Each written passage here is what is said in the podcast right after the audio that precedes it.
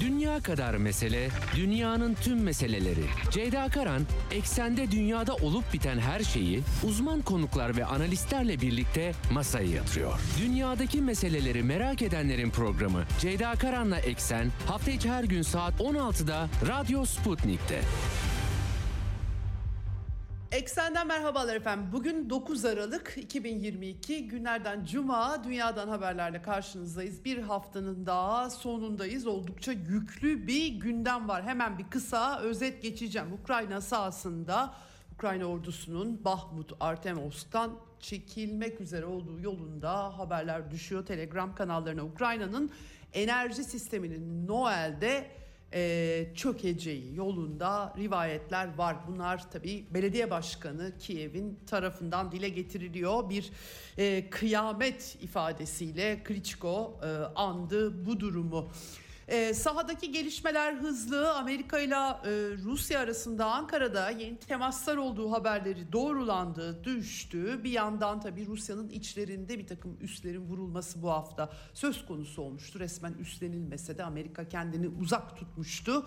Bu konuda Viyana'daki silahsızlanma görüşmelerinde Rusya temsilcisi e, NATO'nun bilgisi dahilinde Rusya'nın vurulduğunu dile getiren ifadeler kullandı. Angela Merkel'in Die Zeit gazetesine Almanya'da çok çarpıcı bir söyleşisi var aslında Rusya'nın Ukrayna savaşıyla çatışmasıyla ilgili tezlerini doğrular nitelikte olduğunu söylemek çok mümkün. Aslında Minsk anlaşmalarıyla 2014 Kiev'deki e, meydan olayları darbesi diyebiliriz rahatlıkla bununla başladığını yani Şubat'ta başlamadığını açıkça itiraf ediyor. Detayları aktaracağım sizlere. Amerika'da bu arada e, ulusal güvenlik bütçesi tasarısı 2023 savunma bütçesi de dahil e, kabul edildi. Temsilciler Meclisi'ne daha senato ayağı da var ama çok yüklü bir bütçe. Türkiye'yi ilgilendiren kısımları da var. Yine aktaracağım bunları size. Almanya'da darbe tartışmaları e, doğru mu yanlış mı bilemiyoruz. Pek çok uluslararası yorumcu biraz Almanya kafalardaki Almanya'yı düşünce fantastik buluyor. Ama Almanya'da ciddi ciddi tartışılıyor. E, Olaf Scholz'un da bu konuda açıklamaları olduğunu e, aktarayım. Ee, Avrupa'dan notlarım olacak tabii size. Rusya petrolüne tavan fiyatla ilgili gelişmeler var. Yanıt hazırlandığı haberleri geldi. Moskova'da yakında gelecek deniliyor. Ee, Rusya Federasyonu Moskova'da bu arada e, zirveye BDT ve ŞİÖ savunma bakanları toplantısına daha doğrusu ev sahipliği yapıyor. Putin'in mesajları var burada.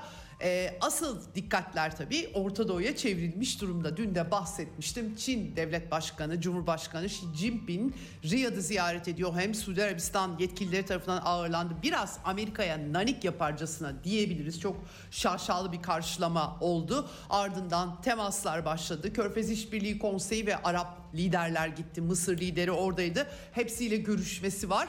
Ee, daha devam da e, edecek açıklamalar e, geliyor ilk gelişmeler ilk notlar düşüyor örneğin Körfez ülkeleriyle bir e, çok kutupluluk çerçevesinde yatırımlar enerji işbirliği nükleer güvenlik merkezi tesis edilmesi serbest ticaret bölgesi derken hakikaten kazan kaynıyor e, tabi doların rezerv para birimi olmasını değiştirebilecek bir takım adımlar gelir mi bilmiyoruz bugün bu konuyu konuşacağım program konuğum Çin'i yakından takip eden gazeteci yazar arkadaşım e, Gökün Göçmen olacak. Programın ikinci yarısında Xi Jinping'in e, Arap çıkartması diyebiliriz belki. Oradaki mesajlar hem ekonomik işbirliği hem küresel değişime işaret eden yanları hem siyasi mesajları nelerdir değerlendirmelerini e, alacağız. Ben de elimden geldiğince notları aktarmaya çalışacağım. Twitter e, dosyaları yayınlanmaya devam ediyor. Amerikalı liberaller e, Twitter'ın başındaki liberal kadro Elon Musk satın almadan önce epeyce bir sansür uygulamışlar. Aslında bilinmedik bir şey yok ama kendi yazışmalarıyla hangi hesapların nasıl sınırlandırıldığını, verilmesi, paylaşılması istenmeyen e, tweetlerin nasıl filtrelendiğini falan hepsini ortaya e, seriyor. Bunları da aktaracağım. E, Türk dış politikasında da başlıklar var. Türkiye-Rusya siyasi istişareleri İstanbul'da e, yapılıyor. E, bugün de e, var. E, doğalgaz pazarlığı olduğu haberleri geliyor. Boğazlardaki tankerler derken e, oradan notlar var. İran'dan notlar var. Latin Amerika'da oligarşinin bir lideri daha devirdiği anlaşılıyor. Pedro Castillo yerlilerden gelme bir kasaba öğretmeniydi. Ee, başkanlık yetkileri dahilinde bir işleme girişti ama kongre tarafından azledildi. Ee, umarım o notları da aktarmaya vaktim kalır. Hemen e, başlamadan frekanslarımızı tekrar edelim. İstanbul'dan 97.8, Ankara'dan 96.2, İzmir'den 91, Bursa'dan 101.4 ve Kocaeli'den 90.2 karasal yayın frekanslarımızın dışında Sputnik web sitesi üzerinden kulaklığı tıklamanız bizi her yerden, Türkiye'nin her yerinden dinlemenize yeterli. Aynı zamanda Telegram hesabının linkini de paylaştım. Oradan e, Telegram e, hesabınız varsa tıklayarak, katılarak Radyo Sputnik'in hesabına bizi dinleyebilirsiniz. Diyelim başlayalım eksene. Dünya kadar mesele, dünyanın tüm meseleleri. Ceyda Karan, eksende dünyada olup biten her şeyi uzman konuklar ve analistlerle birlikte masaya yatırıyor. Dünyadaki meseleleri merak edenlerin programı Ceyda Karan'la Eksen hafta içi her gün saat 16'da Radyo Sputnik'te. Evet, önce Ukrayna'dan kısa notlar aktaracağım. Vitali Klitschko Kiev Belediye Başkanı kıyamet senaryosu çizdi. Noel e, ki 23'ü oluyor Noel. 23-24'ü gibi enerji altyapısının çökebileceğini Hollywood filmlerindeki gibi bir de nitelendirmesi var. Restore edemiyoruz diyor. Kırım Köprüsü'ne saldırıdan sonra Ukrayna'nın enerji sistemini tıpkı NATO'nun Yugoslavya'da yaptığı gibi hedef almaya başlamıştı. Rusya Federasyonu tabii bu çifte kullanımlı sadece siviller değil askeri olarak e, bizzat NATO sözcüsünün de vaktiyle dile getirdiği ve Amerikan askeri kılavuzunda yer, al, yer aldığı e, biçimiyle askeri kullanımı da e, sağlayan lojistik destek, iletim hatları bir sistem. Tabii bunun sonuçları bu oluyor. Bahmut cephesi Artemovsk aynı zamanda diye biliniyor. E, bu cephede Ukrayna ordusunun e, büyük kayıplar verdiği haberleri geliyordu. Geri çekilme olabileceği Batı e, e, analistlerinden çok da önemli değil, çok sembolik gibi bir takım küçümseyici değerlendirmelere eşliğinde haberler geldiğini söyleyebiliriz. Kiev'de bu arada Ortodoks kilisesine yeniden bir baskın düzenlendi. E, dini, ya Ortodoks dinini yasaklama kararı e, almıştı Zelenski yönetimi. Amerika'nın din özgürlükleriyle ilgili raporuyla eş aynı güne denk gelmişti. Yeniden baskın düzenlemişler Rusya ile bağlantılar gerekçesini veriyorlar. Zelenski Time dergisine kapak olmuştu. Yılın kişisi seçilmişti. Politico e, internet sitesi de aynı şekilde kendisini e, seçmiş ve söyleşi yapmış. O da savaşın önümüzdeki yıl sona erebileceğini söylemiş. 2023'te enteresan benim iz takip ettiğim kadarıyla biraz zor gözüküyor. Ee, müthiş yorumu da e, Kırım dahil Donbas falan yani Rusların yaşadığı yerlerde alacaklarını iddia etmesi. Ukrayna ordusu için bir numara demesi. Çok enteresan hakikaten. E, Politiko'da daha önce de Ukrayna ile Rusya ya bu arada Sovyetler Birliği'nin parçasıydı. Aynı Slav e, insanlar. Tabii Ukrayna'nın batısı biraz daha farklı. Biraz daha sınırları zaman içerisinde şekillenmiş imparatorluk çerçevesinde e, 1990'larda devletleşmiş bir ülke. E, gerilim olabilir tabii halklar arasında ama bunu tabii barışçı ve pozitif biçimde çözmek lazım maalesef. Aşırı milliyetçilik izin vermiyor. Avrupa o zaman bu gerilim varken çok az şey yapmıştı ama şimdi farklı diyorlar. Ukrayna ortadan kalktı. Daha da ne olacak bilemiyorum doğrusu. Ee, Zelenski gelecek yıl bu işi çözeriz diyor ama e, Maria Zaharova Rusya Dışişleri Sözcüsü Amerikan yönetiminin bu çatışmayı en az 2025 sonuna kadar kızıştırmaya devam edeceği tespiti yapmış. Hangisi haklı çıkacak göreceğiz efendim. Ee, tabii Avrupa Birliği ve Amerika'da bu işin müzakereli çözümüne dair bir işaret e, yok. Rusya'nın da hedefleri vardı. Denazifikasyon yani Banderis yönetimin e, e, mirasçılarının 2. Dünya Savaşı'nda Nazilerle işbirliği yapan baya böyle yani Stepan Bandera'nın doğum günlerini filan resmi olarak kutlayan bir yönetim var Kiev'de. İşte e, müzakereyi reddettikleri için biz de hedefimize daha kolay ulaşırız demiş Rusya Güvenlik Konseyi Başkan Yardımcısı Medvedev.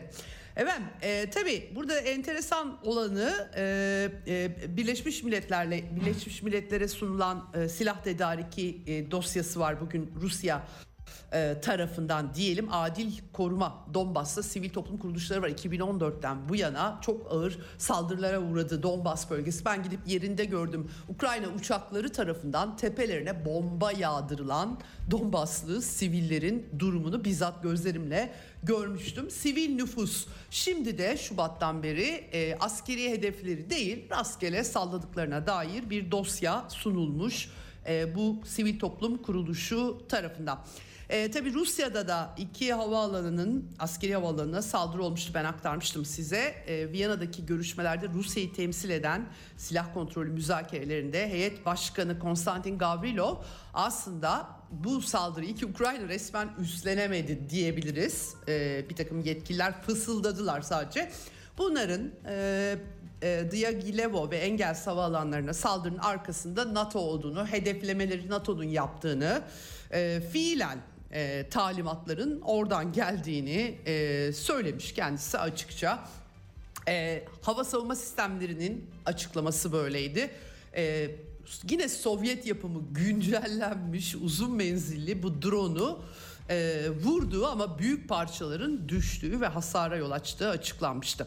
Şimdi tabii Rusya Federasyonu enerji sistemlerini e, vuruyor. Bu vesileyle Putin'in son dönemde yaptığı açıklamalar dikkat çekici.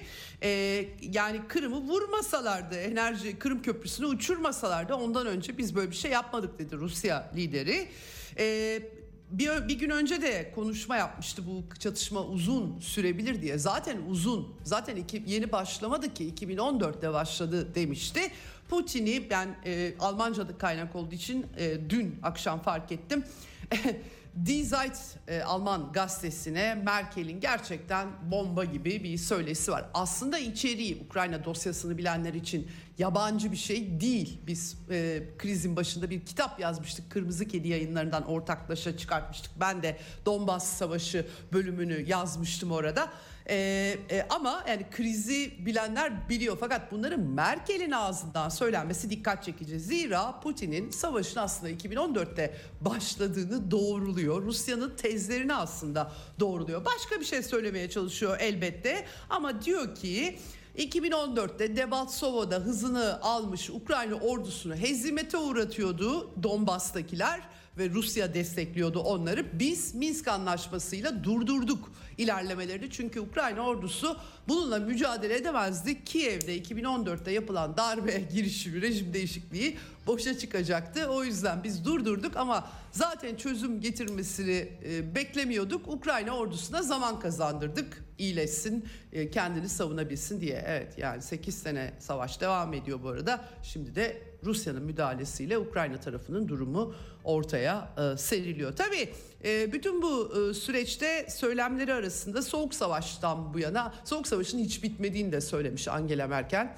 Rusya'yı hedef aldıklarını ve Ukrayna'yı da bunun için adeta meze ettiklerini daha başka nasıl ifade edeyim tabii benim dediğim gibi demiyor ama söyledikleri alenen bu. Ee, Balkanlaştırma istiyorlardı Sovyetlerin çöküşünden sonra.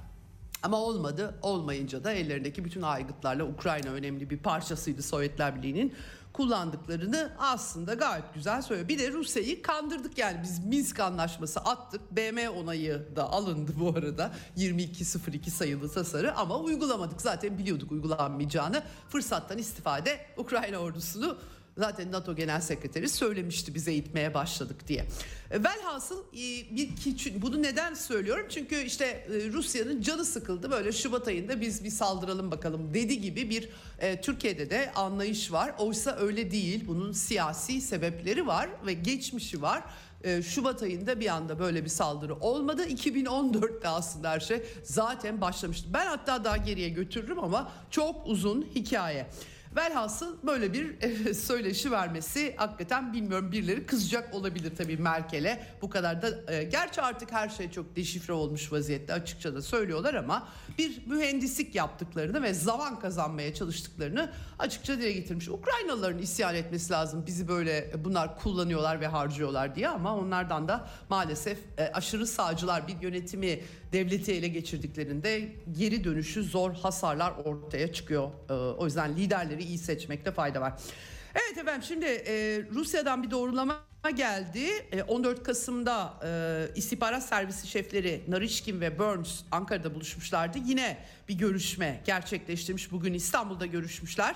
Enteresan E, ama yani e, önemli konularda yeniden diyalog kurduğumuzun sinyali bu değil bu diyor.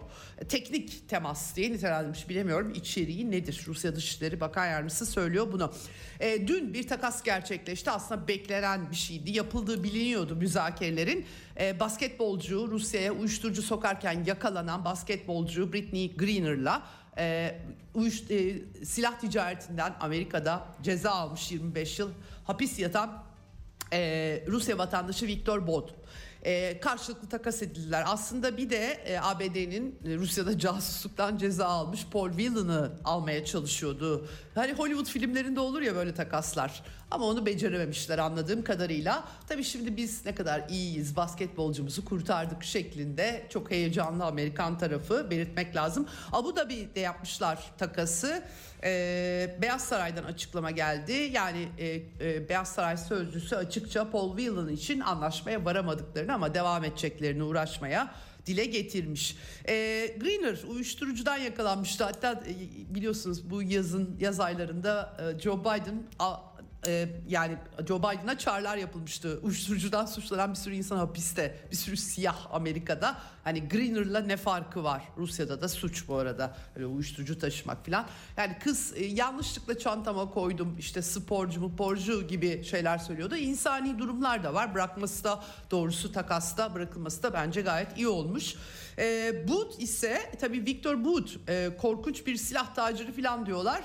E, doğru öyle bir eski Sovyet Hava Kuvvetleri subayı e, Güney Afrika, Orta Doğu'ya silah tedarikçiliğinde öncü rol oynamış. E, hatta Interpol'den hakkında aramalar vardı. Amerika yakalamıştı kendisini Tayland'da operasyonda. Yalnız şu kısmını aktarmıyorlar. Aynı zamanda Pentagon'da çalışmış. O da diyor ki ben de yani bir iş adamıyım diyor Victor Bott'ta. Kendisini öyle savunuyordu. Hakikaten Pentagon'da da e, Irak'a e, sayısız e, uçaklarıyla yak, Pentagon'dan yakıt alarak e, Amerikalı diğer tedarikçilerle özelleştirilmiş bir ordu biliyorsunuz Amerika azımsanmayacak bir kısmı ee, bayağı iş yapmış aslında Amerika'ya Irak operasyonu sırasında 2000'li yıllarda. Ee, böyle yani Amerikalı silah tüccarlarının da taşımacılığını da yapmış aynı zamanda kendisi kargo şirketi aracılığıyla. İşin o kısmını Amerikalılar aktarmıyorlar efendim. Ben aktarmış oldum size. Evet şimdi gelelim e, silah hikayelerine. Dimitri Kuleba Ukrayna Dışişleri Bakanı Kuleba Wall Street Journal'a konuşmuş. Kırım'a, Kırım'ı vurabilmemiz için Amerika bize silah verecek demiş. Biden yönetimi yok biz öyle şeyler yapmayacağız filan gibi açıklamaları vardı. Misket bombası talebi de var Ukrayna'nın. Misket bombaları sivillere çok zarar veriyor. Niye istiyorlar acaba? Donetsk'e fırlattıkları sistemler rastgele yeterince sivilin canını alıyor epey zamandır. Bir de misket bombası mı atacaklar bilmiyorum ama CNN yani aslında yakın zamanda olası değil diyor Amerikan tarafı ama yine de verebilirmiş misket bombalarını. Öyle haberleştirmişler. Enteresan.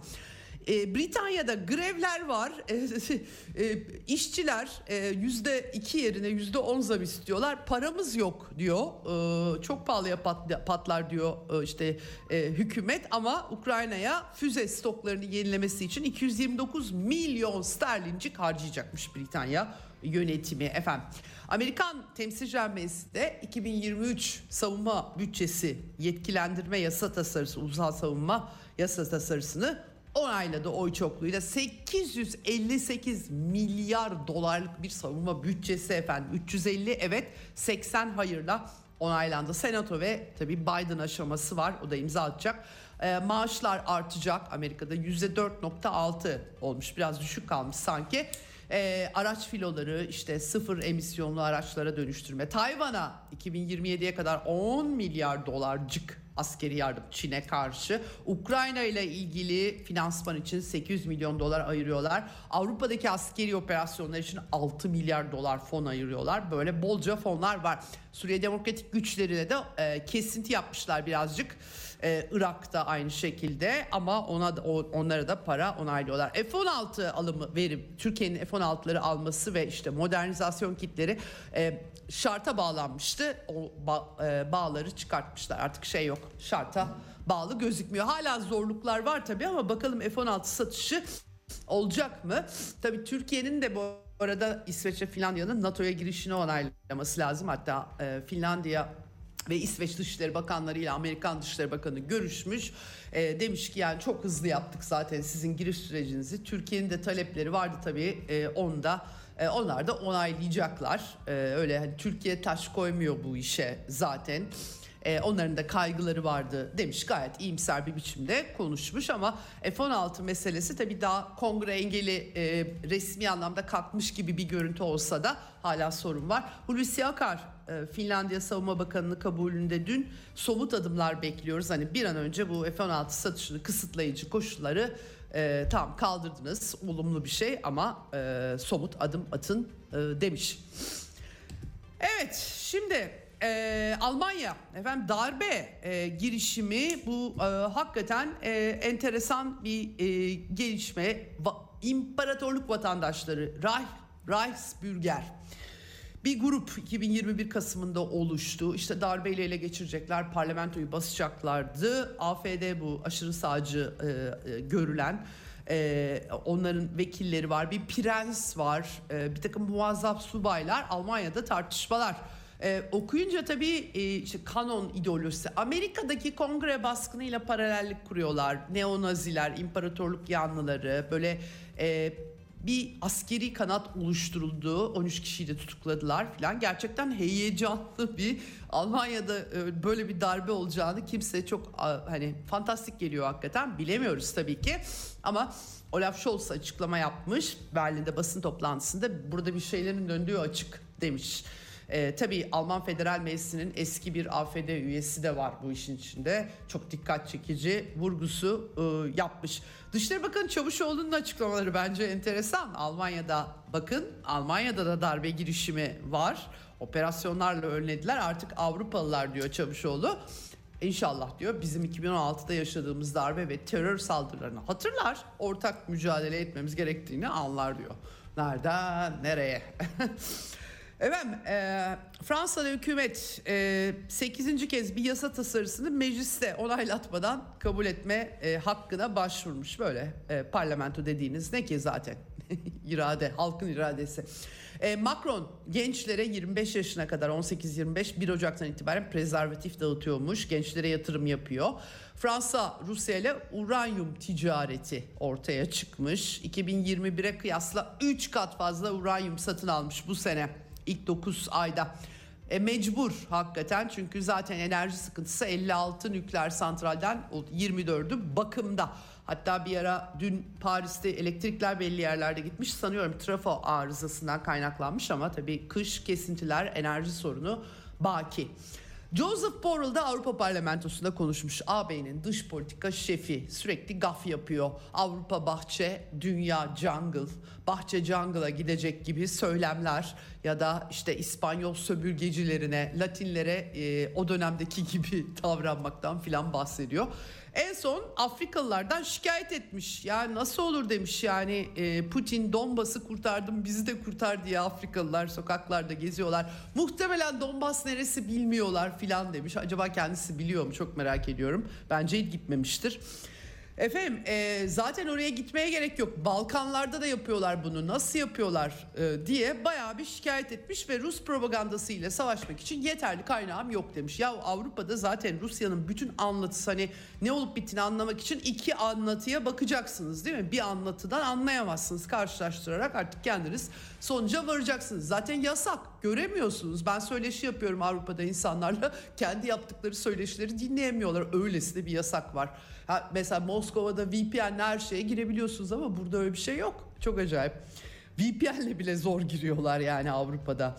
Efendim ee, şimdi e, petrol tavan fiyatı Norveç'te e, Norveç'te petrol zengini biliyorsunuz Rus petrolüne tavan fiyat getirmiş. Yani zaten bir ihtiyacı yok. Rus petrolü mü alacakmış Norveç? Anlayamadım manasını. Sonuçta e, Moskova'dan açıklama geldi. Dimitri Peskov dedi ki biz de vereceğimiz karşılığı yakında açıklayacağız. Hatırlarsanız operasyondan sonra enerjinin rubleyle satış kararını almıştı. Rusya Federasyonu kendisine yönelik yaptırım savaşı açılınca Acaba ona benzer bir karar mı olacak diye herkes bekliyor. Bu arada Boğazlar'daki e, İstanbul ve Çanakkale'de tanker birikimi çoğu gemi Rus gemisi değil anladığım kadarıyla. Türk gemileri var, Kazakistan gemileri var ama bir türlü geçemiyorlar çünkü Ankara Erdoğan yönetimi daha sıkı bir sigortalama talep ediyor. Ha, herkes şikayetçi gibi geliyor. Bir yandan e, Türkiye ve Rusya arasında e, istişareler e, İstanbul'da e, yapılıyor ve Türkiye'nin doğal gazda %25'lik bir indirim talep ettiği Rusya'dan ya da erteleme talep ettiği gibi Bloomberg'e düşen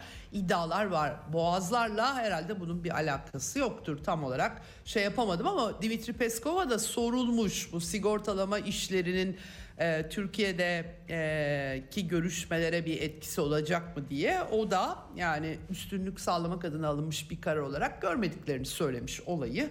Ee, yani istikrarsızlığa yol açar zaten Türkiye'ye de zarar verir gibi bir açıklama yapmış efendim.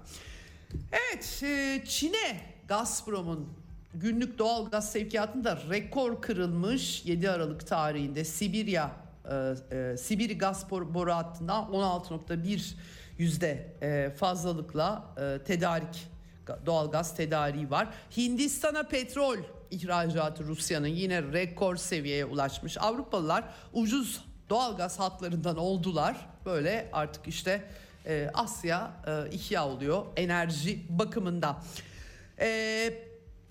Şimdi e, bu arada Vietnam'la ilgili bir not gördüm o da enteresan. Vietnam en e, büyük kömür tüketicilerinden birisi. E, G7 bir takım önerilerde bulunmuş işte e, 15 milyar do, dolar filan verelim size kömürden vazgeçin. Hani yenilenebilir enerji. Yalnız bu bağış değil borç olacakmış. o yüzden de anladığım kadarıyla Çinliler daha uygun şeyler yapıyorlar diyorlar. E, e, Britanya'da daha yeni kömür kömüre geri dönüş alametleri belirmişken Vietnam neden kömürden vazgeçsin diye de tabii bir soru çıkıyor ortaya. Evet. Ee, Şangay İşbirliği Örgütü ve Bağımsız Devletler Topluluğu e, Savunma Bakanlarının Moskova'da toplantısı var. Putin'in mesajları var. E, çok kutupluluk artık kaçınılmaz ama zorluklar var. E, çünkü dünyada çatışma potansiyeli artıyor. Çünkü batılı seçkinler askeri, ideolojik, ekonomik, mali hakimiyetlerini koruma kararlılığındalar. Ee, dolayısıyla ortaya problemler çıkıyor. Ukrayna'yı da kolonileri haline getirdiler. Savaş alanında Rusya'ya karşı kullanıyorlar diye mesajlar e, vermiş efendim bu e, forum e, vesilesiyle. Evet, e, ifade özgürlüğü ile ilgili notlar aldım. Çünkü Elon Musk e, 2 Aralık'ta Twitter'da Hunter Biden'ın e, Amerikan başkanlık seçimlerinde hasır altı edilen dosyalarını yayınlamaya başlamıştı. Twitter'ın aslında liberaller e, e, tarafından ele geçirilip e, sadece kendi görüşleri çerçevesinde e, bir platforma dönüştürüldüğünün hikayesini anlatıyor. Yeni kara liste açıklanmış görünürlük filtrelemesi adı altında aslında algoritmalarla gölge yasaklama diyebiliriz. Algoritmik sansür diyorum ben buna. Beğenmediklerinin tweetlerini gizlemişler. Benim hesabım mesela bir yıldır bir türlü hiç takipçi kazanamıyordu. Nedenini bir türlü çözemedim. Belki de beğenmiyorlardı tabii o da olabilir ama bir sürü insanın başına geldi bu tabii. E, detaylarıyla Elon Musk'ın e, e, tweetlerinde bulabilirsiniz. E, güzel güzel sansürlemişler başka görüşler yansımasın diye e, gayet şahane işler yapmışlar Twitter'daki liberaller. ifade ve düşünce özgürlüğü dediğimiz şey eğer onların e, çerçevesine ve çıkarına uyuyorsa e, mümkün olmuş. Son iki yılda zaten gördük bunları. Evet. E, Cumhurbaşkanı Erdoğan tahıl krizinin çözümü için pazar günü Rusya e, devlet başkanı ile Cumhurbaşkanı görüşeceğini duyurdu. Amerika'ya da Yunanistan'ı silahsızlandırma Yunan adaları e, tepki göstermiş. F-16 sorunumuzu da çözmediniz, parasını verdik hala çözmediniz diye epey bir yüksek perdeden Cumhurbaşkanı'nın çıkışları e, var efendim. Ee, Suriye, ee, Suriye harekat artık tartışılmıyor yine. yani ben bir türlü çıkarını görememiştim. Tabii mümkün olabilir ama en baştan itibaren. Şimdi Suriye hükümeti de haftalık 4 gün çalışma süresine karar kılmış. Neden? Çünkü yakıt sıkıntısı var. Amerika yaptırımlarla, Sezar yaptırımları ve açtığı ekonomik savaşla Suriye halkına çok ağır bedeller ödetiyor ve e, hala da dünyada böyle hani insanları biz seviyoruz, biz koruyoruz, biz onları düşünüyoruz falan imajını nasıl çizebildiklerini doğrusu benim aklım almıyor. Yakıt kıtlığı yüzünden birçok üniversitede der, derslerde bu arada iptal edilmiş efendim. E, İran yakıt ulaştırmaya çalıştığında tankerlerle onun e, tankerlerini de durduruyorlardı korsanlıkla e, İngilizler falan geçtiğimiz yıl yaşandı.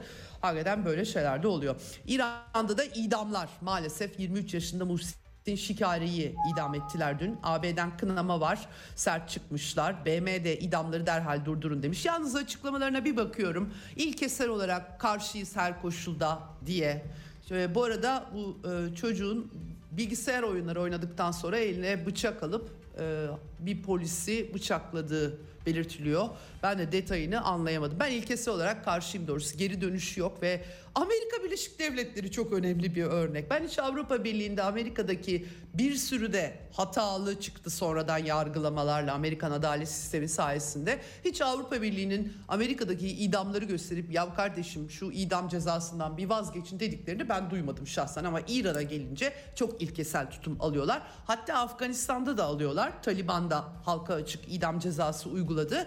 E, 20 yıl boyunca Afganistan'ı mahvedip Taliban'la savaşıp Taliban'a bırakıp çıktı gitti biliyorsunuz Amerikan yönetimi. Şimdi de e, durum bu. E, ve son olarak arkadaşlar e, konumu bağlay- bağladınız mı bir haber ederseniz? Tamam. Ee, birkaç not daha var onları da aktarayım konum bağlana kadar. Ee, İsrail'de 1 Kasım seçimlerini Benjamin Netanyahu kazanmıştı. Yeni hükümeti kurmaya çalışıyor ama işte aşırı sağcı Yahudi Birliği Partisi ile sıkıntısı var anladığım kadarıyla. Ek süre istemiş 14 gün aslında parlamento çoğunluğu elinde ama e, e, aşırı dinci bir e, bakan olması beklenen bir üye yüzünden biraz e, uluslararası problemler de hatta içeride problemler yaşayabileceği söyleniyor. E, son olarak Latin Amerika Pedro Castillo'yu devirdiler efendim 12 Ekim'de hakkında bir takım suçlamalarda bulunmuşlar. Kongre başkanlık yetkileri dahilinde kongreyi feshetmek aslında Castillo'nun edebilir anayasada yazıyor ama kongreyi feshetme kararını gerekçe yaparak kongre darbesiyle devirdiler. Latin Amerika'da son dönemde çok yaşandı böyle şeyler. Ee, kongreyi kimlerin oluşturduğuna herhalde bakmak gerekiyor. Ee, Peru oligarşisi diyebiliriz. Çünkü Fujimori'nin kullandığı yetkiyi e, bir eski bir öğretmen olarak ve yerli halktan bir isim olarak Castillo'nun kullanmasına izin verilmedi. Meksika'ya sığınmak istemiş 7 günlük gözaltı kararı verdiler Peru'nun e, lideri. Onun da tabii günahları var solcularla el birliği etmediği için. E, Meksika Devlet Başkanı Obrador e, çok e, sert bir açıklama, acıklı bir açıklama yapmış daha doğrusu öyle öyle ifade edebilirim. E, Latin Amerika'da bu işler böyle oluyor demiş e, ve e, eleştirmiş hatta Peru'ya gitmesi bekleniyormuş gezisini de e, iptal e, etmiş e, sığınma geleneklerini hatırlatmış. Çok üzgünüz. Yasal ve meşru şekilde kazandı ama zorbalığa maruz kaldı demiş Castillo hakkında. Evet, Peru'yu da aktarmış oldum. Şimdi hemen konuğuma dönmek istiyorum. Telefon hattının diğer ucunda. E, Gökün Göçmen var. Hoş geldin Gökün yayınımıza. Hoş bulduk. İyi yayınlar diliyorum. Çok teşekkür ediyorum katıldığın için. Ee, şimdi e, bütün dikkatler dünyada çok pek çok gelişme var. Ben aktarmaya çalıştım dinleyicilerimize. E, ama e, tabii Çin Devlet Başkanı'nın Suudi Arabistan e, ziyareti ve Araplarla zirvesi en başa gelen konulardan biri. Bir parça e, sanki nanik yapar gibi Amerika Birleşik Devletleri de çok şaşalı karşılanmış gözüküyor Riyad'da. Ben öyle bir izlenim edindim. 21 tane pop, pare pop top atışları, işte havaalanına gitmeler, karşılamalar falan. Ee, öncelikle e, ilk gün galiba Suudi Arabistan temasları sonra KİK temasları var. Ee, tam olarak bu ziyaretin çerçevesini bir özetleyebilir misin bize? Neden şimdi böylesi bir dönemde e, böylesi bir çıkarması var?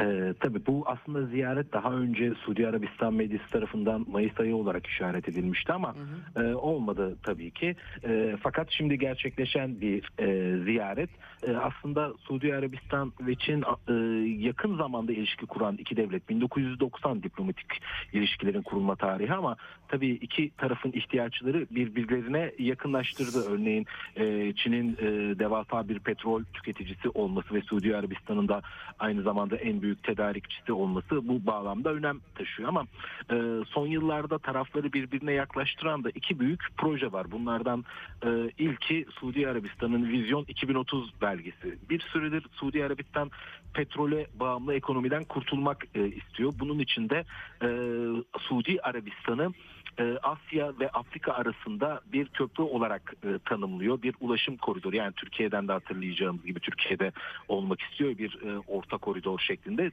Suudilerin de benzer şekilde bir e, vizyon 2000 vizyon 2030 e, belgeleri bulunuyor. E tabi bu bağlamda da e, Çin'in yatırımlarına muhtaç.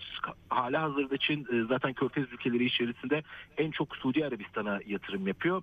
E, ama sürdürülebilir bir ekonomi e, içinde e, daha fazla yatırıma ihtiyaç var. Kuşak ve yol inisiyatifiyle uyumlaştırmak istiyor Suudi Arabistan. Çin de e, bu noktada e, öne çıkıyor. Bu önemli. E, dolayısıyla tarafları birbirine yaklaştıran e, böylesi bir tablo var. Aslında şimdi e, ilk gün imzalanan anlaşmalara bakıyoruz. 34 e, anlaşma imzalandı. Daha 20 anlaşmanın da imzalanacağı söyleniyor. E, aslında bu çok geniş bir yelpazede ama iki temel başlıkta aslında bunu sınıflandırabiliriz. Biri e, yeşil bir dönüşüm, ekonominin yeşil e, dönüşümü.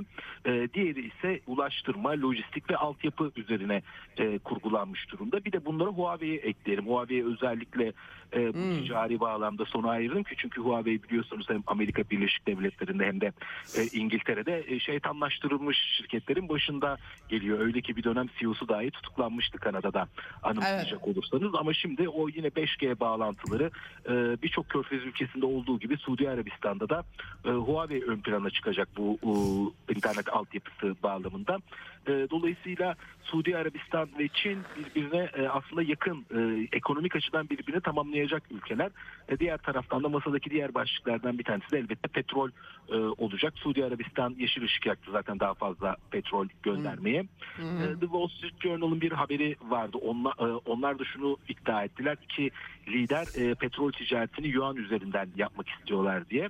Evet. Asıl asıl herkesi Amerikalıları biraz böyle şey yapan galiba bu. Çok fazla konuşuluyor. Ee, nedir bunun arkasındakiler? Çünkü petrodolar denklemini etkileyecek bir şey olduğu için en azından tümüyle öyle değil ama bir basket diyorlar ya yani belli bir bölümü mümkün mü? Ee, nedir perde arkasındaki şeyler? Yani her ne kadar taraflardan bu konuya dair resmi bir açıklama gelmese de e şimdi böylesi bir kararın iki ülkenin de ulusal çıkarına hizmet edeceğini söylemek mümkün. Çünkü Çin zaten uzunca bir süredir e, doların ekonomik bir enstrüman değil bir yaptırım aracı olarak kullanıldığını düşünüyor ve e, do, dedolarizasyon dediğimiz yani dolardan çıkma e, siyaseti gidiyor bir süredir. E, Suudi Arabistan'da benzer şekilde e, şimdi bu OPEC kararından sonra e, hatırlayacak olursanız e, Rusya'nın Ukrayna harekatının ardından e, Biden Suudi Arabistan'a petrol e, fiyatlarının düşürmesini istemişti. Evet, E, Biden, evet. e, ama Suudi Arabistan petrol e,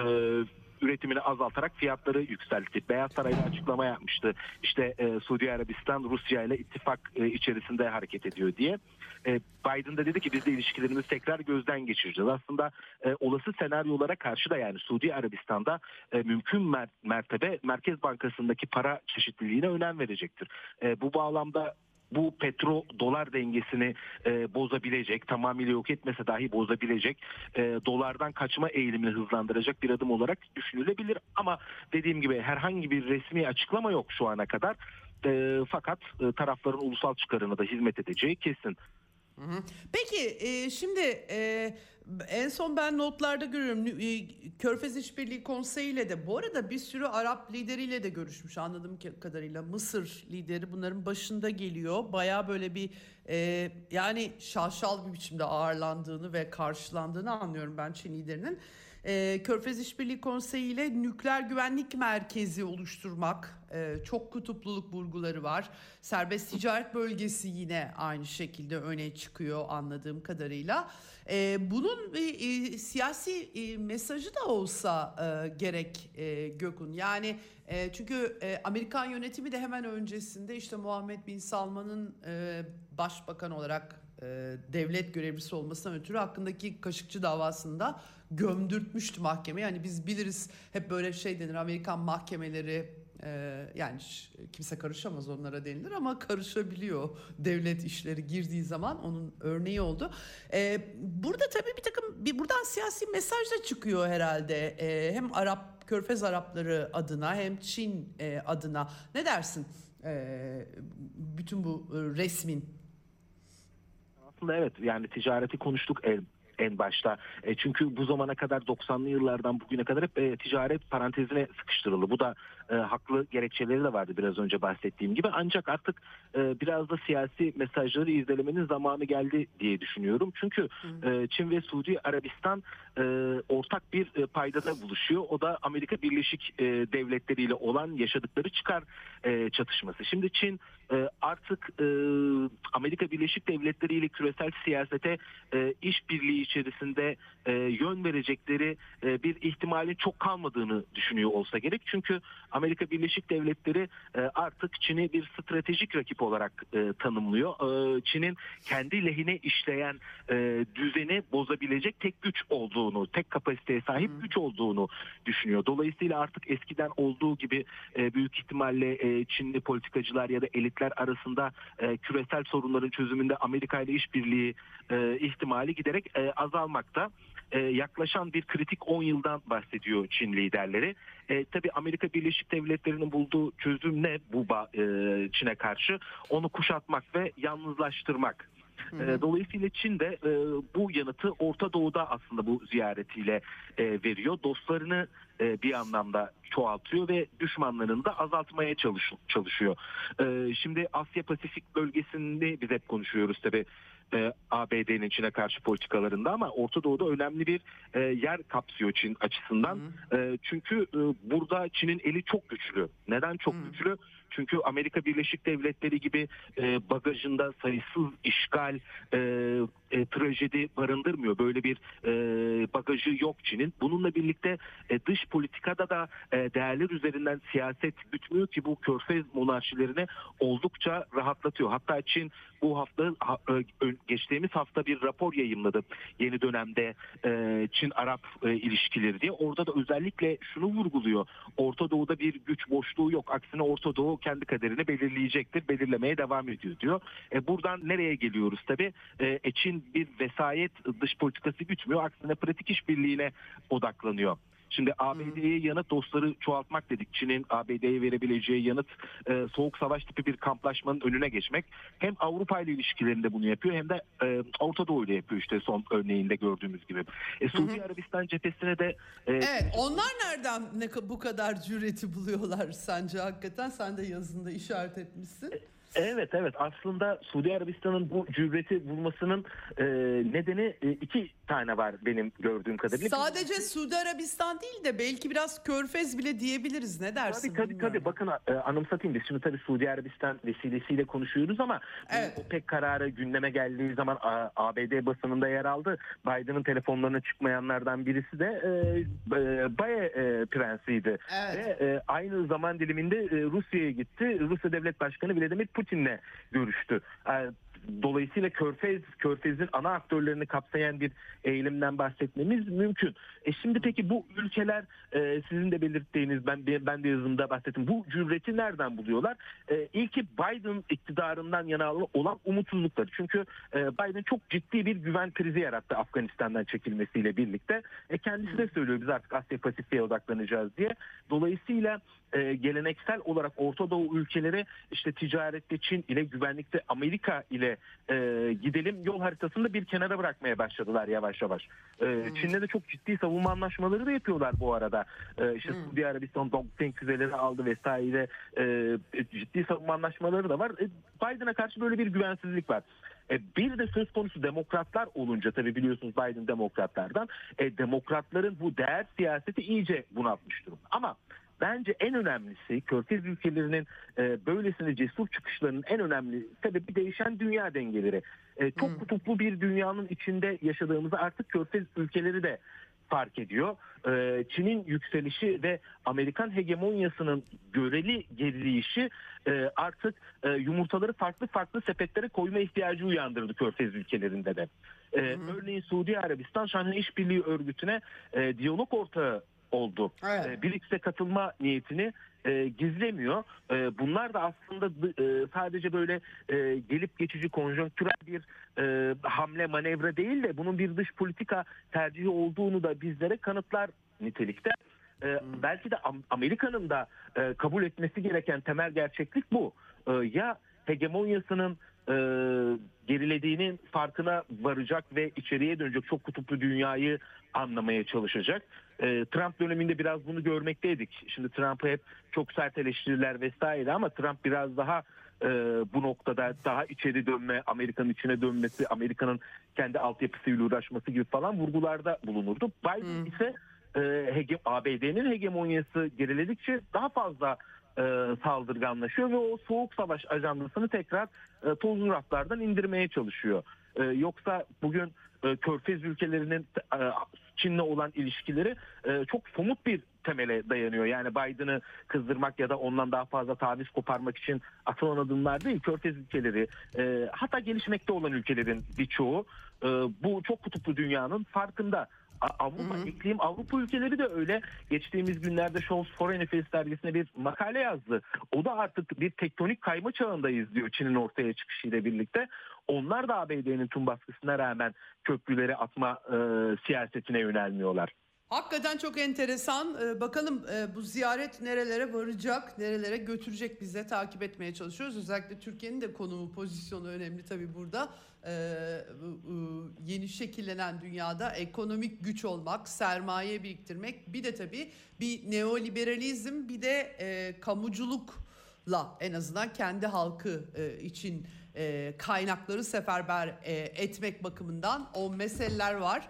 E, Amerika'nın nerede durduğunu biliyoruz. Öbür cephenin tam olarak nerede durduğunu da tartışmak lazım. Çok teşekkür ediyorum e, Gökhan Göçmen değerlendirme için.